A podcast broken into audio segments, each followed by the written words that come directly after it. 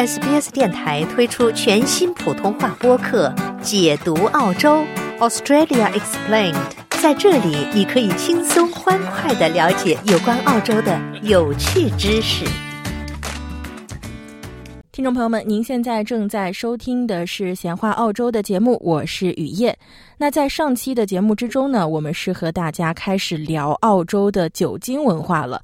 那么在上期的节目之中呢，我们也是和大家盘点了澳洲一些常见的红葡萄酒和白葡萄酒。那相信很多听众朋友们都知道啊，在澳洲除了红白葡萄酒之外呢，啤酒也是非常的受欢迎啊。那除此之外呢，香槟、立交酒也是受到了不少酒友的喜爱啊。那今天呢，我们还是请到特约嘉宾 Helen Lewis，让他呢来接着上期继续跟我们来讲一讲澳洲的酒精文化。Helen 您好，你好，雨夜听众朋友们，大家好。嗯，Hello 啊，那上期呢，我们是主要跟大家聊了一聊澳洲的酒庄以及澳洲的红葡萄酒和白葡萄酒啊。但是对于可能普通的澳洲人来说啊，在下班之后，在 Happy Hour 的时候去喝一杯啤酒，可能是很多人会选择去做的这样一个事情啊。特别是如果当天工作压力非常大的话，那在澳洲一般是有哪些种类的啤酒去供大家选择呢？嗯，就听到雨燕你说 Happy Hour，其实呢，就让我想到澳洲有一个说法叫 Six O'clock Swill，就是什么呢？就是在六点的时候大口喝啤酒呢。其实是澳洲文化的它的一个非常重要的一个部分。为什么有说下午六点大口喝啤酒呢？就是曾经所有的售卖啤酒的那一些酒馆吧。它呢是在六点之前是必须要关门的，因为他们的执照呢呃不允许在六点之后，所以呢就是很多人下班之后呢就赶快赶到这些酒馆去，随后在六点前尽量喝，尽可能多的去喝啤酒，所以呢就是有这个 six o'clock swill 呢就是是一个澳洲文化的一个体现，当然了现在就没有这个关系了，但是呢啤酒呢仍然是澳洲人。我觉得就可能是澳洲人，比如说在一起社交啊，大家一起聊天啊，尤其是在芭比，澳洲人知道大家烧烤后院烧烤是也是澳洲人的文化特色之一。那有烧烤的话，就肯定是少不了啤酒的了。嗯，可以说啤酒也应该是可以称得上是澳大利亚的国民饮料了吧，哈伦？对，我觉得啤酒真的是真的是澳洲的国民饮料，而且呢，其实好像每个州也有自己就比较。中意的比较喜欢的呃啤酒的品牌，但是呢，反正工作一天之后，大家朋友聚的时候，啤酒其实怎么说呢，应该是价廉物美又特别的能够止渴，所以尤其是澳洲，考虑到是一个非常炎热的一个国家，通常来讲，所以呢，冰镇啤酒的话，喝下去就非常的让人舒服，因为我记得。很久以前，呃，我那个时候还在国内，随后呢，就是认识了很多澳洲来国内工作的人。那个时候我记得很清楚，就是对他们来讲，他们很难理解的，就是国内那个时候呢，喝啤酒都是就是常温。最后他说，哎，这个啤酒怎么可以用常温喝？简直太不爽了。所以呢，他们有的时候去饭店吃饭呢，他们会自己带上自己在家里冰镇好的啤酒，随后去了饭店之后呢，就让饭店的人。说赶快把它放到你们的冰箱里去，一会儿我们要喝。所以对澳洲来讲，冰镇啤酒是很多人来讲就是每一餐或者餐前或者佐餐不可少的东西。嗯，所以说不仅是要喝啤酒，而且是要喝冰镇的啤酒啊。对于很多的澳洲人来说，那么 Helen 在澳洲的话，我们一般可以喝到一些什么样的啤酒呢？啤酒一般有分什么样的种类呢？啤酒呢，一般来讲呢是分两大类吧，一个叫 Ale。呃，一个叫拉嘎，这个呢是从它的发酵的工艺过程来分的，但是呢，拉嘎相对来讲呢，比 ale 这一个种类呢就更加清淡爽口一点。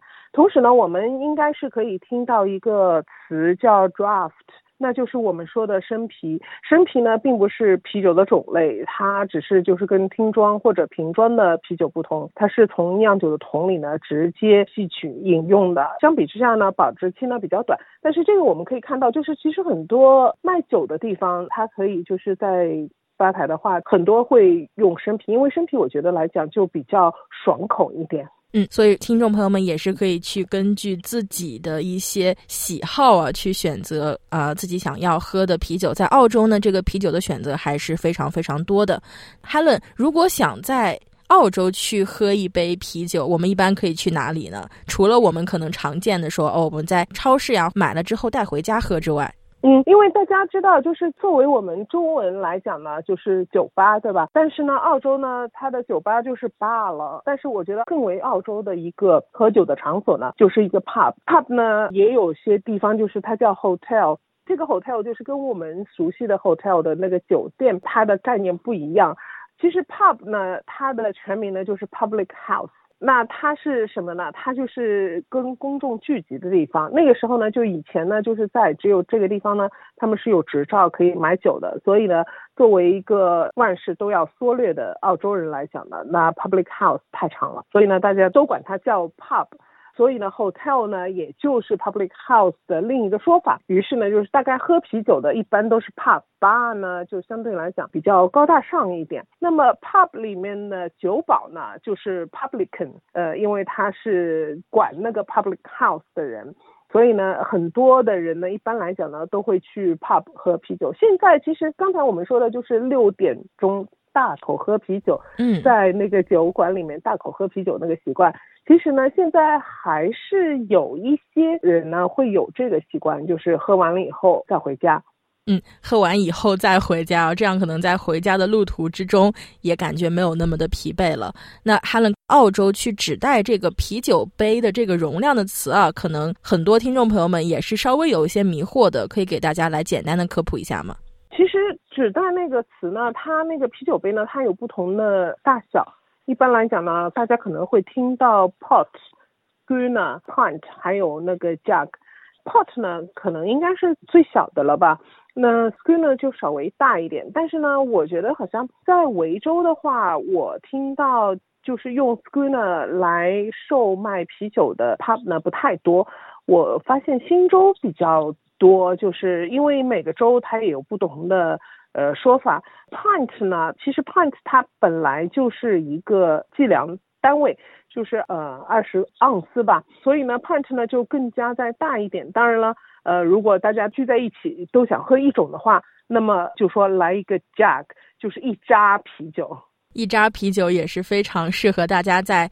Barbecue barbie 的时候去分享啊，但是大家可能在电视上看到更多的是每个人会拿着一个啤酒瓶儿或者是一罐啤酒，然后在那个 barbecue 的时候去喝，而且每次看到他们拿这一罐啤酒的时候，上面总是可能会有一个 holder，那这个 holder 是否也有它特殊的名字呢？对，这个啤酒瓶呢，这种呢就是澳洲的啤酒有特别的那种小瓶啤酒，这个呢澳洲人管它叫 stubby。呃，Stubby 呢，它等于就是一一份啤酒的量吧。呃，就是我记得在国内的时候，现在我不知道是怎么样，因为很久没有去国内喝啤酒了。但是我记得在国内的时候，以前就是买的都是那种大瓶的，就像我们看到的澳洲的葡萄酒瓶这样大瓶的。但是澳洲的啤酒呢，都是这种小瓶。这个 Stubby 呢，随后呢，通常会有一个 Stubby Hold，是用就是。潜水的穿的衣服，呃，潜水服的相同的材料来做的，那个材料叫 neoprene，叫绿丁橡胶。这个套用来呢，把那个 stubby 那个酒瓶呢放进去，他们呢随后就会拿着这个呢，可以就是装呃 stubby 这个酒瓶，也可以装罐装啤酒的罐子。起的作用呢，就是刚才我们说的，就是澳洲人比较喜欢喝冰镇的，所以呢，通常就是冰镇的啤酒。但是冰镇大家知道，就一旦到了室温状态下呢，外面就会有水珠，这样的话呢，就拿着就不舒服。所以呢，他们一般会用这个去把那个瓶子呢，就装在那个呃橡胶的瓶套里面，这样呢拿着就比较好一点。随后呢，还可以同时起到就是保温的作用，不让冰镇的啤酒就回暖太快。说到这个 stubby 呢，我们就想来说一下，在澳洲如果说买啤酒的话，那么一般来讲呢，有的会说啊 six pack，或者呢一个 slab。six pack 呢字面意思大家知道很清楚，就是六瓶，就是六瓶装的或者六罐装的那个啤酒，这是一个包装。另外一个包装呢就是一个 slab，slab 呢就是一大块，一块就砖块的话，也可以说是一个 slab。Slab 呢，它就是二十四瓶装，所以呢，如果说如果你跟一个澳洲朋友说啊，我需要带什么，比如说他说啊，one six pack is enough，or just come with a slab，那你就知道应该是带多少瓶或者多少罐的啤酒了。嗯，那听众朋友们，一个是代指六瓶啊，那另外一个也是代指二十四瓶，可能是看这个礼节的轻重吧，大家也是可以去选择，到底是要带六瓶呢，还是去带二十四瓶？那 Helen，其实说到这个啤酒啊，说到这个啤酒 beer，可能很多人都会把它跟 cider 放在一起去比较。那 cider 其实，在澳洲对于女生来说，特别是女生。包括我自己也是非常非常喜欢的。那 cider 跟啤酒 beer 有什么不同呢？cider 呢，其实它就是属于苹果酒，也有用梨来酿制的 cider，呃，也就是说是一种用水果。苹果或者梨来酿制的酒吧，我觉得它经常呢就是跟毕业呢相提并论，因为呢很多很多人呢就觉得好像毕业太苦了，就是口感没有塞的那么好，因为女孩子比较喜欢喝甜的嘛，没错，塞的比较甜，所以说呢就是而且呢也特别的清爽，非常的清口，因为它是也是冰镇的方式呃饮用的，所以呢非常受女孩子的欢迎，但是呢。我觉得就是 cider 呢，大家会可能会比较容易被它的甜度给骗了，因为觉得甜就可以觉得多喝一点，但还是酒精饮料，所以呢，那个后劲还是有的，所以大家一定要注意。总体来讲，就是喝酒的话一定要注意。当然了，在澳洲又是一个开车的国家，所以呢，就是大家一定要对自己能够喝多少，一定要有一个了解。如果说觉得，好像是超过了自己的范围的话，那就不要开车回家了。嗯塞的好喝，但是也不要贪杯啊。塞的其中呢还是有一些酒精的含量的。那 Helen，我们刚才说到了澳洲的国民饮料啊，也就是啤酒。其实除了啤酒之外呢，澳洲人在生活之中还是会去饮用一些其他的酒精饮料或者是酒类啊，比如说是立交酒，可以给大家来简单的介绍一下吗？刚才说到 cider，我其实也想到了立交酒。因为立交酒呢，它的英文名字就是 liqueur，大家可能记得，就是我们说过酒呢有一个名字，有个统称的名字叫 liquor，所以呢，这个立交酒呢，这个名字呢叫 liqueur，它的拼写呢也比较相近，所以呢，大家就是不要把这个搞错了。立交酒呢，它其实跟 cider 呢不一样，完全不一样的酿造方法，它是属于一种蒸馏酒。但是呢，有一个相似之处呢，它就是甜。所以呢，我觉得大家比较熟悉的可能是 Bailey's Irish Cream，太熟悉了。对，这个应该大家觉得非常熟悉，而且很好喝，非常非常的甜。随后呢，我家一般准备的呢是 Kahlua 或者 Tia Maria。为什么呢？因为我经常做提拉米苏，提拉米苏是一个就是大家非常非常熟悉的一个甜品。那提拉米苏里面呢？其实它那个蛋糕呢，本来是意大利的一种手指饼干，随后呢，手指饼干就是吸满了咖啡跟立交酒。呃，其实意大利呢，它大部分是用 Tia Maria，但是如果说大家手头没有的话呢，也可以用 Calua。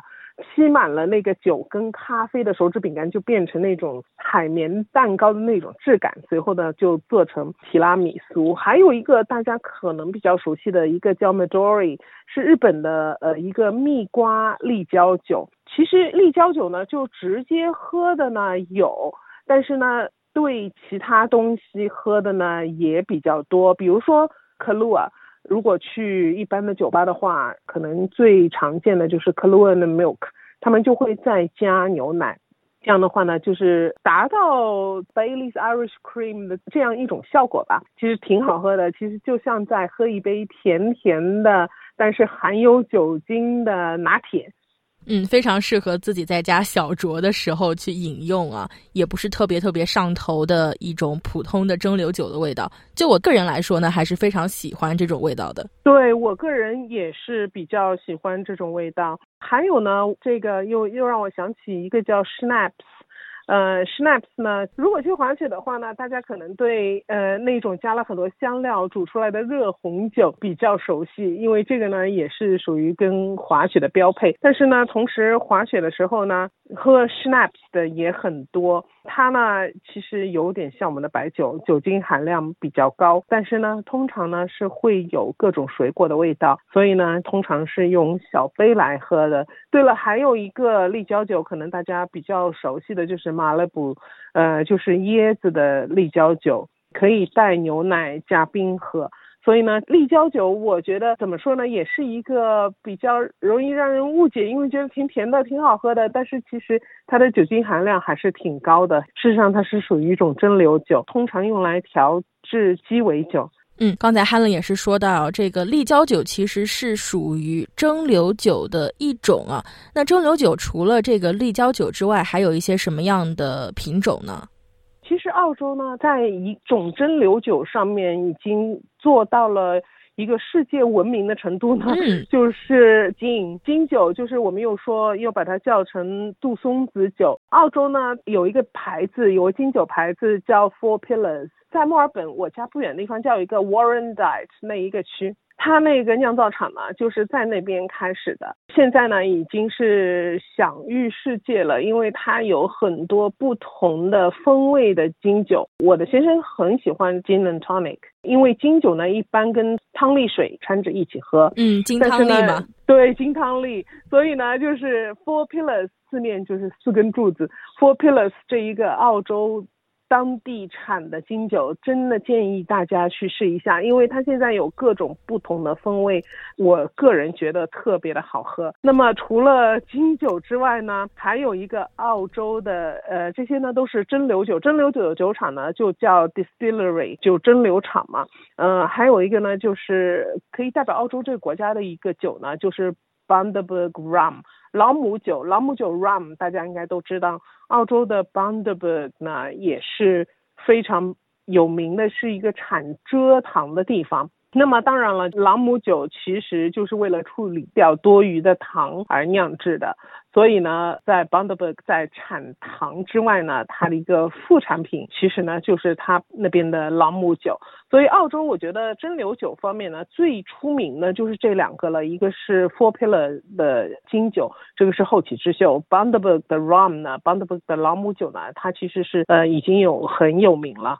嗯，所以说有兴趣的听众朋友也是可以去尝试一下这两种蒸馏酒啊。那 Four Pillar 的金酒呢，我个人也是非常的喜欢，而且他们呢经常会跟一些日本的酒厂去出一些联名的金酒。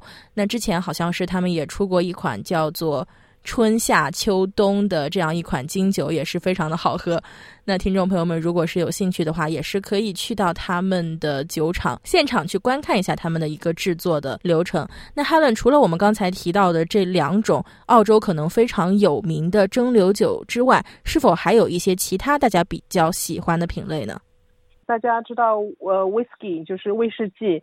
大家都可以在卖酒的地方，大家都可以买到。大家对这个应该都是比较熟悉的。还有呃，Scotch 或者 Bourbon，呃，也就是它不同的种类。这一般呢，它是属于谷物的蒸馏酒，呃，就苏格兰威士忌啊之类的。呃，还有呢，就是大家比较熟悉的伏特加，就是 Vodka。Vodka 呢，个人来讲，因为我不太喜欢喝太过的烈酒。所以呢，vodka 一般来讲呢，我会兑椰子水来喝，比较爽口。随后呢，就是大家去墨西哥餐厅可能会发现，就是除了菜之外，他们酒单上最主要的就是一系列不同的 margarita，就是玛格丽特鸡尾酒。那么玛格丽特鸡尾酒呢，它一个主打的就是 tequila，也就是说龙舌兰酒，它是用 tequila 调制的。因为蒸馏酒呢，大部分来讲都是烈酒，所以呢，我们就可能是需要说对酒来讲很重要的两个就是衡量标准，嗯，一个呢叫 proof，还有一个呢就是那个百分比了。其实呢，这两个呢都是用来形容酒精含量的。百分比呢，大家非常一目了然，看到酒的话，酒瓶上都会有百分比。但是如果说你听到别人说，哦，this rum is ninety six proof。那么这个意思呢，其实呢，proof 它的意思呢？就是百分比的两倍。也就是说，如果是九十六 proof 的话，那么它的百分比呢就是四十八，而百分比对我们来讲呢就是度数，所以呢四十八的话那就是四十八度。澳洲来讲，其实用百分比来显示酒精浓度的话呢，就是酒精度数的话还是比较多的。一般来讲会用百分比，但是美国的话有的时候会用 proof，就要看这个酒是哪里过来的。但是 Spirit 也就是蒸馏酒，蒸馏酒真的是属于烈酒，所以说大家喝的话一定要小心。嗯，好喝的话，但是也不要贪杯啊，点到为止可能才是最好的。那其实说到澳洲的酒类呢，可能听众朋友们还会想到的就是香槟。每次在一些庆祝活动上呢，可能都会看到大家可能要 pop 一瓶香槟啊，然后再把它洒向下面的观众啊，这种情况。那 Helen，澳洲是不是也会出产香槟呢？是一个比较有争议的话题。香槟大家都知道，它的英文名字呢就是 Champagne。澳洲出产香槟呢是也不是？其实香槟呢本身 Champagne 这个词呢就是指法国产香槟的那个产地，就是香槟地区。但是呢，因为他们争取来的就是任何地方的酒都不可以叫做香槟，只有香槟地区酿的香槟酒，就是我们熟悉的香槟酒，嗯，其实就是起泡酒。它才可以称之为香槟，所以呢，在澳洲大家可以看到，如果说你要去买 champagne 的话，如果看到那个酒的标签上贴的是 champagne，那肯定是法国香槟地区产的香槟酒。但是呢，如果说上面贴的是 sparkling wine，那基本上都是从酒的种类的角度，就酒的本身酿造方法、葡萄之类，呃，从这个角度去看，它就是我们熟悉的那个香槟酒。只不过就是在澳洲的话是没有办法用香槟去冠名而已。嗯，可以说是换汤不换药吧。虽然是名字不一样，但是其实酒的酿造方式啊，以及它的口感其实都是差不太多的。那澳洲人是不是对香槟也有一些偏好呢？刚才我们说起过，就是澳洲人如果说是去买葡萄酒的话，可能就对那个价格呢不是特别敏感，而且呢，他们比较喜欢去找那种价格低廉，但是的确是口味不错的葡萄酒。但是香槟呢，可能就是相反了。如果是比较正式的场合，他们会选真正的香槟，而且呢会选大牌的，因为呢的确是有保障。随后呢，澳洲呢，它有就是自己酿造的那些 sparkling wine，其实呢，也就是香槟类的酒，我们可以说它是香槟类的酒吧。那个呢就比较便宜，但是比较便宜的话呢，那个通常是年纪比较轻的、经济能力有限的，那他们可能会去买这种 sparkling wine，就是香槟类的酒。但是呢，其实我觉得法国的香槟呢，贵的是可以非常的贵，因为大家都知道这香槟怎么说呢？它那一个价格可能是不封顶的，没有上限。但是 对，没有上限。但是呢，其实我觉得就是大的品牌啊，可能六七十块钱呐，也都可以搞定了。所以大家都可以去试一下。随后呢，就主要就是那个用来形容 wine，就是那个葡萄酒。那么香槟呢，就是 brew 和 cuvee，这个呢。也就是 dry 的意思，fruit 是 dry 的意思。那么 cuve 呢，它是指某一批呃某一桶，所以呢，就如果大家看到那个标签，就知道这个是什么意思。那么呃还有呢，就是说到香槟，刚才我们就说到法国是对香槟这个词是有垄断的，因为尤其是法国的香槟地区，所以呢，就是只有在香槟地区酿造的香槟类的酒才可以称之为香槟。那么我们再说一下 prosecco。Prosecco 不知道大家知不知道，其实呢，它就是意大利的香槟，也就是意大利的一个起泡酒。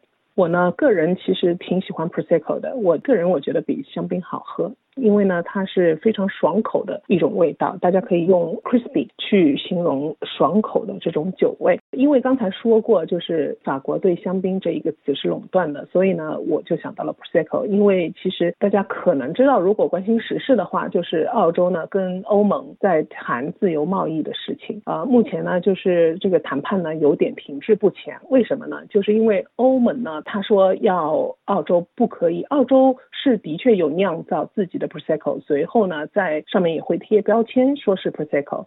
最后他说是不可以用 prosecco 这个词，因为它是属于应该是保护的一个呃商标，只有意大利的 prosecco 呃酿酿造 prosecco 的地区才可以用这一个词。呃，题外话，还有一个 feta，就是希腊的那个 feta 奶酪，这两个词呢其实是。自由贸易协商目前停滞不前的呃两大原因，一个呢就是他们就是不让澳洲用这个词。那么澳洲呢，其实很多酿 prosecco 的那一些酒庄呢，其实都是意大利人的后裔，所以呢，他们非常的呃不开心，因为他们觉得我们是当时把那个葡萄引进到澳洲来才酿的那个酒。prosecco 呢也不是指一个单一的地区，它只是指葡萄的品种而已。